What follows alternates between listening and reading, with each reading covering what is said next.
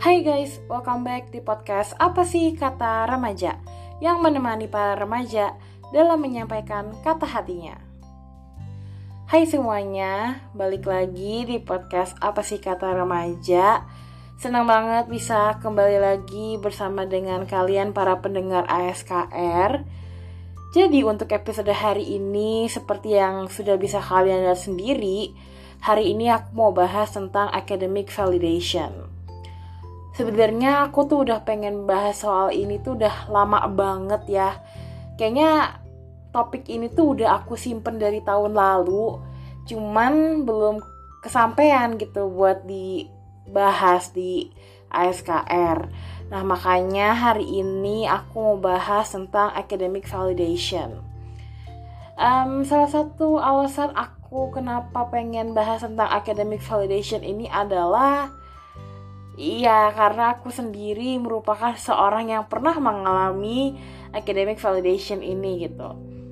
Pernah ngerasa gimana sih um, stresnya menjadi seorang yang sangat amat um, mencari validasi soal akademiknya dia gitu ya. Terus juga um, alasan lain aku pengen bahas ini karena aku tahu di luar sana banyak banget orang-orang dan mungkin teman-teman sebaya aku yang um, sangat amat uh, strive for academic validation gitu. Dan aku tahu betapa capeknya, betapa stresnya ya kalau misalkan kita tuh um, ada di sistem edukasi yang mengedepankan academic validation ini gitu. Dan aku rasa sebenarnya kayaknya udah pada tahu lah ya academic validation itu tuh apa cuman mungkin aku bakalan ngasih kayak um, definisinya buat kalian yang masih mungkin masih agak kurang paham sama istilah academic validation ini. Jadi, academic validation atau validasi akademik adalah ketergantungan seorang siswa pada akademisi mereka untuk merasa dihargai dan sukses atau dihargai dalam hidup. Ini adalah ketergantungan konstan pada nilai huruf atau penghargaan dari pendidik mereka. Jadi academic validation itu ya apa ya kita tuh mencari validasi gitu dari um, kehidupan akademik kita gitu dari education kita. Jadi um, mungkin contoh konkret itu kayak misalkan kita tuh pengen uh, dapat nilai 100 terus atau dapat nilai A terus gitu. Dan menurut high school counselor Arlene Quinones Seringkali siswa mencari validasi akademik untuk merasa bahwa mereka baik-baik saja, tapi itu juga bisa sangat menguras tenaga, melelahkan, dan merusak kesehatan mental. Ya, seperti aku bilang tadi ya, jadi academic validation itu ketika seorang siswa itu contohnya ngerasa kayak oh aku tuh harus dapat nilai 100 atau aku harus dapat A terus gitu. Jadi mencari validasi akademik supaya mereka tuh ngerasa kalau oh I'm fine kok di sekolah gitu. Dan um, aku anak yang pinter loh. Aku anak yang bakalan menjadi orang yang sukses gitu. Tapi academic validation tadi itu bisa sangat menguras tenaga terus juga melelahkan dan juga bisa merusak kesehatan mental kita. Dan salah satu terbentuknya academic validation ini adalah ada juga harapan orang tua di mana orang tua itu banyak banget berkontribusi pada siswa yang stres karena tidak memiliki A yang sempurna gitu. Jadi ada tekanan dari keluarga, dari sekolah, dari um, orang tua yang menginginkan anaknya itu dapat nilai 100 atau nilai A atau nilai yang sempurna lah ya bisa kita bilang. Dan mungkin um, tuntutan itu bisa dibilang kayak untuk masa depan yang lebih baik gitu ya katanya. Dan ya sebenarnya menurut aku sih nggak ada yang salah ya. Kalau misalkan kita pengen mendapatkan nilai yang bagus, pengen dapat nilai 100, pengen dapat nilai A karena aku rasa siapa sih yang nggak pengen menjadi yang terbaik gitu ya menjadi versi terbaik diri kita sendiri gitu kan. Siapa sih yang nggak mau menjadi orang yang sukses? Siapa sih yang nggak mau dapat nilai 100 atau dapat nilai A gitu kan aku pun juga mau pastinya gitu. Kalau bisa seterusnya aku dapat nilai 100 terus pasti aku mau gitu kan. Tapi kenyataannya kita cuma manusia yang kadang tuh nggak stabil gitu. Kadang kita bisa dapat nilai 100 terus kadang kita ada masalah akhirnya nilai kita jelek and it's totally normal gitu. It's fine karena ya that's life and we're all humans. Kita punya perasaan kita punya permasalahan di hidup kehidupan kita bukan cuma tentang akademik atau edukasi aja atau tentang pekerjaan doang. Hidup kita itu lebih dari itu gitu. Jadi sangat amat normal kalau misalkan um, ada orang yang kita anggap sebagai orang yang pinter gitu ya yang kayak oh dia dapat nilai 100 terus. Oh dia uh, dapat A terus gitu. Dan tiba-tiba dia jadi dapat nilai yang jelek gitu. Atau ya tidak seperti biasanya gitu ya. Itu normal banget karena ya tadi aku bilang gitu dia juga manusia gitu punya perasaan punya kehidupan di luar kehidupan akademik dia gitu. Well mungkin untuk episode kali ini aku mau sharing-sharing sedikit gitu ya pengalaman aku um, cerita-cerita aku soal academic validation ini gitu. Jadi dari kecil sebenarnya aku ini tuh um, seorang anak yang cukup um, apa ya lekat dengan academic validation ini gitu. Dulu waktu SD um, aku tuh dituntut buat dapet nilai yang bagus terus terutama sama mama aku ya. Sebenarnya kayaknya hampir semua mama-mama gitu ya pasti pengen banget dap, uh, dap, ngeliat anaknya dapet nilai yang bagus gitu kan. Dan ya sama mamaku juga begitu dulu gitu. Dan um, jadi kayak ada kriteria nilai dia gitu. Jadi misalkan kalau nilaiku um, nilaiku tuh kayak harus 90-an ke atas gitu.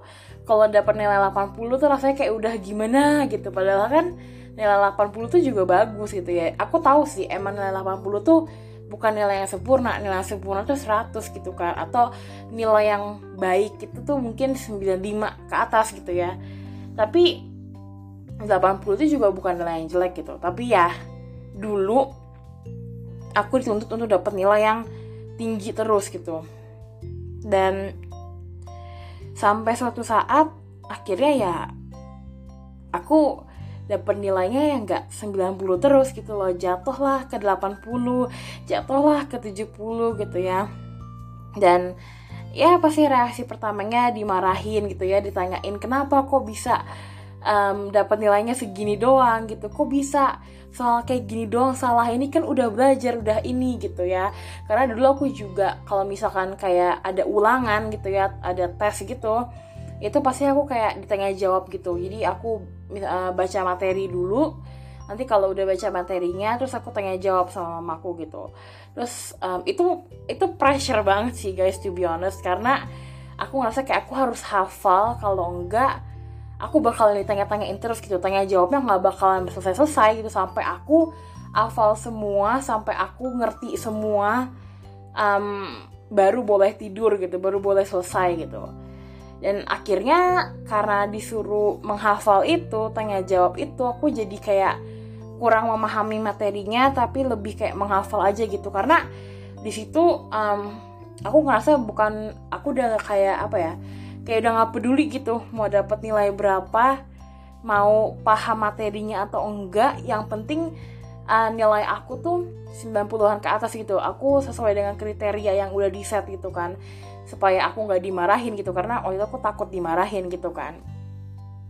Dan ya udah akhirnya sepanjang SD itu ya nilaiku cukup bagus sih. Aku ngerasa nilaiku bagus dan performaku di sekolah tuh baik banget gitu tapi ya itu tadi gitu yang aku rasain karena aku terlalu banyak dituntut uh, terlalu banyak kriteria penilaiannya jadinya um, apa ya walaupun kelihatannya performanya baik gitu ya berdasarkan dari nilainya dari angkanya tapi aku ngerasa um, pengetahuan atau ilmu yang aku tangkep tuh kayak apa ya kayak nggak ada gitu. Karena aku cuman menghafal dan menghafal itu juga karena terpaksa juga gitu kan daripada gue dimarahin dulu aku mikirnya gitu gitu. Dan um, akhirnya pas masuk SMP aku udah mulai kayak apa ya mungkin SMP itu masa-masa aku jadi agak uh, rebellious gitu ya. Agak membangkang gitu jadi kayak ah, udahlah bodo amat gitu mau dapet nilai berapa kek. Jadi waktu SMP tuh bener-bener kayak yang tadinya um, aku ada di atas banget gitu ya performa akademiknya. Terus terus jadi kayak jatuh banget jatuh sejatuh jatuhnya gitu. Dan awalnya aku agak kaget sih dan agak takut gitu ya ngeri gitu ngeliatnya. Dari yang ada di atas tiba-tiba jatuhnya tuh ke bawah banget sampai dasar banget gitu kan. Awalnya aku agak agak ngeri gitu. Dan um, juga udah agak dapet lampu merah gitu kan dari mamaku gitu. Cuman aku kayak awalnya kayak aduh oke okay deh harus belajar lagi gitu. Tapi lama-lama jadi males gitu kan. Karena banyak dituntut itu gitu. Dan juga di SMP itu kayak aku bener-bener lagi enjoy um, kehidupan sekolah gitu yang ketemu temen-temen lah terus pertama kalinya kayak um, jalan-jalan sama temen-temen lah terus habis itu nonton bareng dan pokoknya aku lebih fokus ke um, kehidupan sosialku lah waktu SMP gitu daripada kehidupan akademiku gitu. Jadi makanya di SMP itu kehidupan akademiku tuh kayak bener-bener aduh pokoknya kalau kalian lihat nilaiku ya guys tuh kayak enggak banget deh gitu. Dan um, ya waktu saat itu aku juga kayak ya udahlah bein aja gitu kan. Akhirnya masuk SMA aku mulai tobat gitu karena aku ngerasa kayak aduh udah SMA nih gitu. Bentar lagi kuliah gitu kan. Dan um, ya sebagai anak SMA kelas 10 gitu ya yang baru merasakan bangku SMA terus udah mulai denger dari kakak kelas dan teman-teman lain sebagainya gitu ya. Kalau misalkan kuliah tuh susah kuliah tuh beda banget dari sekolah kuliah tuh berat aku jadi lumayan takut gitu kan. Kalau misalkan aku kayak gini terus gitu ya nggak menganggap serius akademiku gitu. Akhirnya mulai masuk SMA aku mulai serius lagi mulai fokus lagi sama akademiku dan ya akhirnya um, nilai-nilai aku di SMA mulai naik lagi performa akademiku di SMA mulai naik lagi walaupun memang nggak sebaik waktu aku SD gitu ya. Karena di SMA ini aku juga udah mulai agak dibebasin gitu sama mamaku. Kayak nggak terlalu banyak dituntut ini itu dan nggak terlalu di set kriterianya gitu. Yang penting um, aku bisa aku memahami dan hasilnya ada gitu. Dan akhirnya uh, mungkin waktu SMA karena aku juga udah mulai dewasa kali ya jadi udah mulai sadar sendiri gitu udah mulai mulai bisa ngeset sendiri targetnya dan um, mulai bisa ngatur prioritas gitu kapan aku harus belajar kapan aku harus main kapan aku harus ngelakuin aktivitas yang lain gitu. Dan um, I think waktu SMA tuh um, it all works well gitu.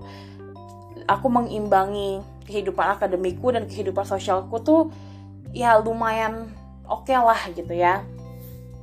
Terbukti juga dari nilai-nilai yang aku dapat yang menurut aku kalau dilihat kalau dianalisis gitu ya nilaiku waktu SMA tuh udah sangat oke okay lah ya dibandingkan nilaiku pada saat SMP gitu. Dan waktu aku lulus juga itu lulusnya juga menurut aku cukup baik gitu ya akhirnya tibalah kita di perkuliahan gitu ya. Di mana yang katanya orang udah beda banget udah wah udah susah lah udah um, pokoknya different experience gitu dari SMA dan ya ternyata mereka bener gitu. Pas aku masuk kuliah itu bener-bener beda banget bener-bener mengejutkan banget gitu ya. Sebenarnya aku udah bahas tentang perkuliahan ini uh, di episode sebelumnya waktu itu aku bahas bareng Saina. Mungkin abis ini abis kalian denger episode kali uh, episode hari ini bisa kalian cek episode sebelumnya tentang kehidupan perkuliahan. Um, di situ aku juga udah agak ngejelasin dikit gitu loh kehidupan perkuliahan tuh kayak gimana gitu. Oke okay, kita lanjut. Jadi pas masuk perkuliahan itu aku ngerasa kayak beda banget lah dari SMA gitu kan dan teman-temannya pun juga udah beragam banget bervariasi banget dari different culture terus different religion. Pokoknya apa ya backgroundnya itu berbeda semua gitu kan. Dan um, di perkuliahan ini aku juga udah nggak ketemu sama teman-teman lama aku. Dan aku harus um, memaksakan diri aku untuk keluar dari comfort zone untuk kenalan untuk um, bersosialisasi lagi gitu ya. Padahal uh, dari kecil aku tuh apa ya nggak pernah bersosialisasi yang terlalu luas gitu. Makanya pas aku pertama kali masuk kuliah aku ngerasa kayak aduh ini gimana nih? gitu ya. Dan waktu SMA aku ngerasa aku cukup dalam tanda kutip cukup pinter gitu ya dalam tanda kutip gitu. Pas masuk kuliah aduh ya ampun aku langsung ngerasa jadi aku tuh ya kayaknya paling gak bisa gitu ya. Jadi um, kalau misalkan kayak ada piramida gitu ya mungkin kemampuan akademikku tuh yang di paling bawah gitu dibandingkan teman-temanku gitu. Pengetahuan yang menurut mereka basic itu aku nggak ngerti sama sekali gitu. Dan aku ngerasa kayak hah? Mereka diajarin itu aku nggak diajarin itu gitu. Di situ aku ngerasa kayak waduh kalau misalkan aku nggak um, catch up sama mereka aku bakalan ketinggalan banyak gini. Aku bakalan ketinggalan jauh dan takutnya aku bakalan gagal gitu kan. Jadinya di kuliah ini aku jadi um, selain ngikutin um, perkuliahan yang ngikutin kelas-kelasnya aku juga harus ngikutin um, perkembangan teman-temanku gitu. Menyesuaikan sama mereka menyesuaikan pengetahuannya ilmunya gitu. Karena kalau misalkan kayak tadi aku bilang gitu kalau misalkan aku nggak menyesuaikan ya udah aku bakalan ketinggalan jauh gitu kan. Jadi pengetahuan-pengetahuan basic yang mereka punya itu aku belajar dari mereka supaya aku juga tahu gitu kan supaya aku juga punya ilmunya gitu. Biar aku bisa setara lah sama mereka. Nah pas baru masuk kuliah pasti semester 1 itu pastinya aku ngeset gitu ya kriteria kayak oh aku harus dapat IPK tuh di atas 3,5 gitu ya. Ya minimal aku dapat 3,7 lah gitu ya. Syukur-syukur dapat IPK-nya 4 gitu. Terus pas um, dapat IP pertama kali aku ngerasa kayak um, ya masih sesuai target gitu kan. Targetku tadi itu di atas 3,5 gitu dan itu sesuai target gitu kan. Terus um, akhirnya masuk ke semester 2, semester 3 dan sekarang aku di semester 4 gitu ya. Kriteria-kriteria tadi tuh udah aku ilangin sih gitu bukannya udah gak semangat lagi atau udah kehilangan semangat patah semangat apa gimana gitu ya. Aku masih tetap semangat aku masih tetap um, seneng bisa kuliah gitu ya bersyukur bisa kuliah di jurusan yang emang aku suka yang aku uh, sesuai dengan passion aku yaitu di psikologi gitu. Cuman aku berusaha untuk menjadi orang yang realistis juga gitu bukan berarti aku nggak bisa mencapai target aku tadi gitu ya. Aku pasti bisa kok kalau misalkan aku mau.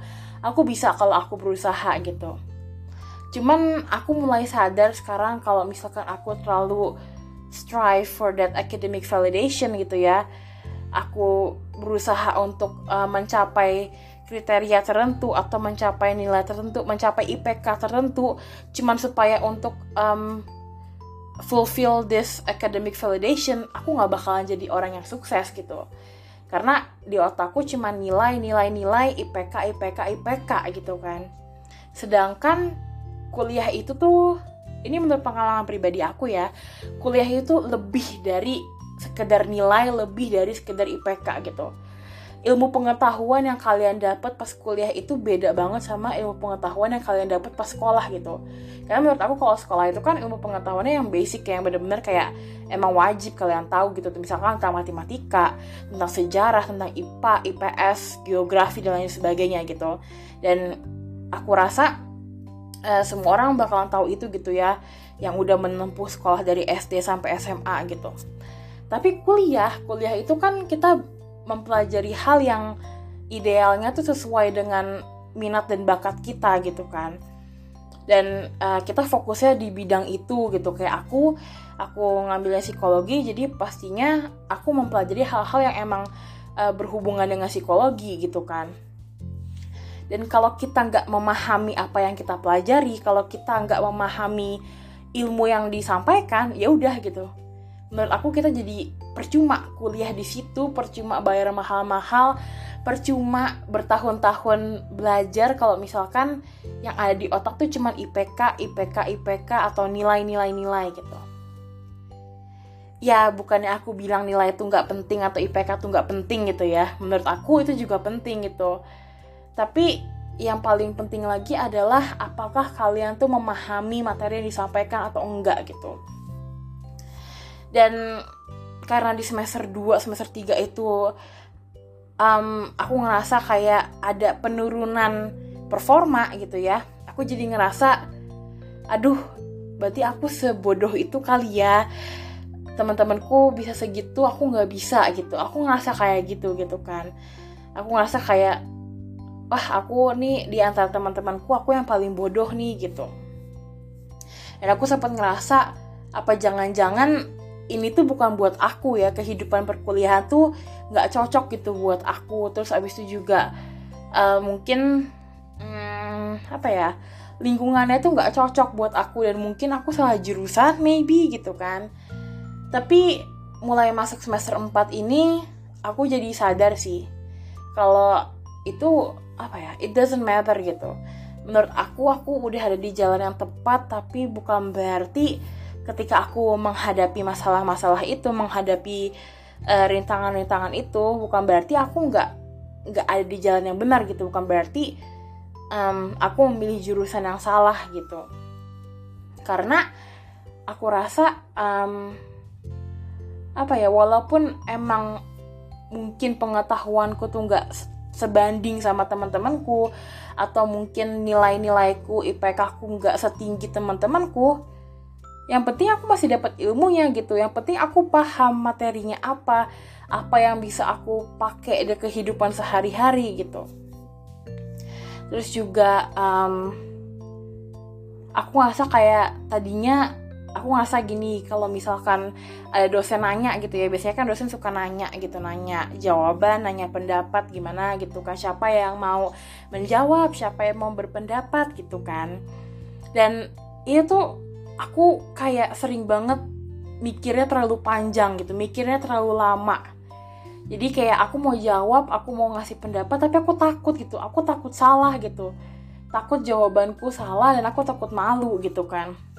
Dan akhirnya nanti pas ternyata ada temanku lain yang jawab dan jawabannya sama kayak aku dan jawabannya bener itu aku langsung ngerasa kayak ih tau gitu tadi gue jawab gitu kan nah aku yakin pasti kalian juga pernah sih ngerasain kayak gini gitu.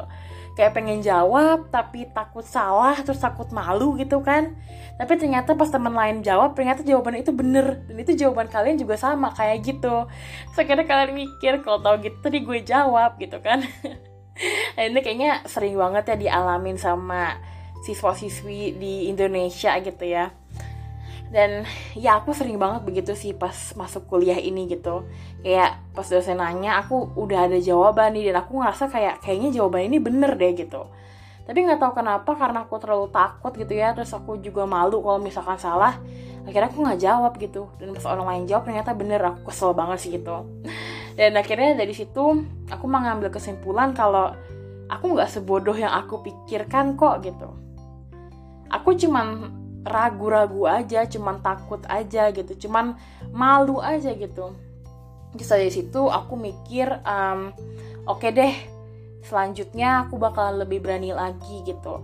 Aku bakalan um, mungkin apa ya lebih berani ambil resiko gitu. Kalaupun salah ya udah gitu. Dan aku ngerasa kalau di kampusku ya terutama di jurusanku gitu salah pun juga nggak masalah gitu. Dan teman-temanku juga nggak ada yang kayak uh, ngejek gitu ya kalau misalkan salah. Mereka malah suportif suportif aja gitu. Jadi aku rasa ya udahlah mulai sekarang aku udah um, perlahan-lahan gitu ya meninggalkan rasa takutku rasa maluku supaya ya aku bisa berkompetisi gitu dengan teman-temanku gitu.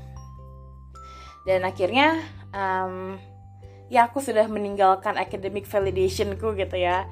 Tapi bukan berarti aku nggak fokus sama akademiku lagi gitu. Aku tetap fokus ke akademiku. Ya aku rasa mulai masuk kuliah ini aku makin fokus sih sama akademiku gitu. Karena kan uh, menurut aku pribadi kalau kuliah itu um, udah mulai berhubungan dengan uh, pilihan karir kita nanti gitu kan. Udah mulai kebentuklah rancangan karir kita mau kayak gimana gitu. Dan aku uh, menganggap serius masa depanku gitu menganggap serius karirku nanti gitu. Jadi sebisa mungkin aku mau dapat ilmu sebanyak-banyaknya mau um, berusaha sebaik mungkin supaya apa yang aku pelajarin di kuliah sekarang itu bisa berguna nanti pas aku kerja gitu pas aku meniti karir di dunia psikologi gitu. So yeah that's it jadi lumayan panjang atau lumayan singkat nih ya? Begitulah ya pengalamanku mengenai academic validation. Mungkin uh, kalian-kalian lagi dengerin episode ini juga punya pengalaman mengenai academic validation atau mungkin nggak punya pengalaman tapi tahu nih soal academic validation gitu. Dan seperti biasa ya aku nggak bosen-bosen ngingetin gitu ya kalau misalkan um, ASK, kalau misalkan ASKR itu uploadnya di hari Minggu jam 8 pagi dan kalau kalian mau kirim cerita atau mau request topik boleh banget DM atau email ke kita. Terus juga sosmed nih jangan lupa ASKR tuh punya Spotify, punya Instagram, punya email, punya YouTube, punya TikTok dan semua dinamanya sama yaitu apa sih kata remaja. Untuk email tinggal ditambahin aja at gmail.com jadinya apa sih kata remaja at gmail.com. So that's it for today. Terima kasih banget buat kalian yang udah setia mendengarkan dari awal sampai akhir. And I'll see you guys on the next episode. Bye bye.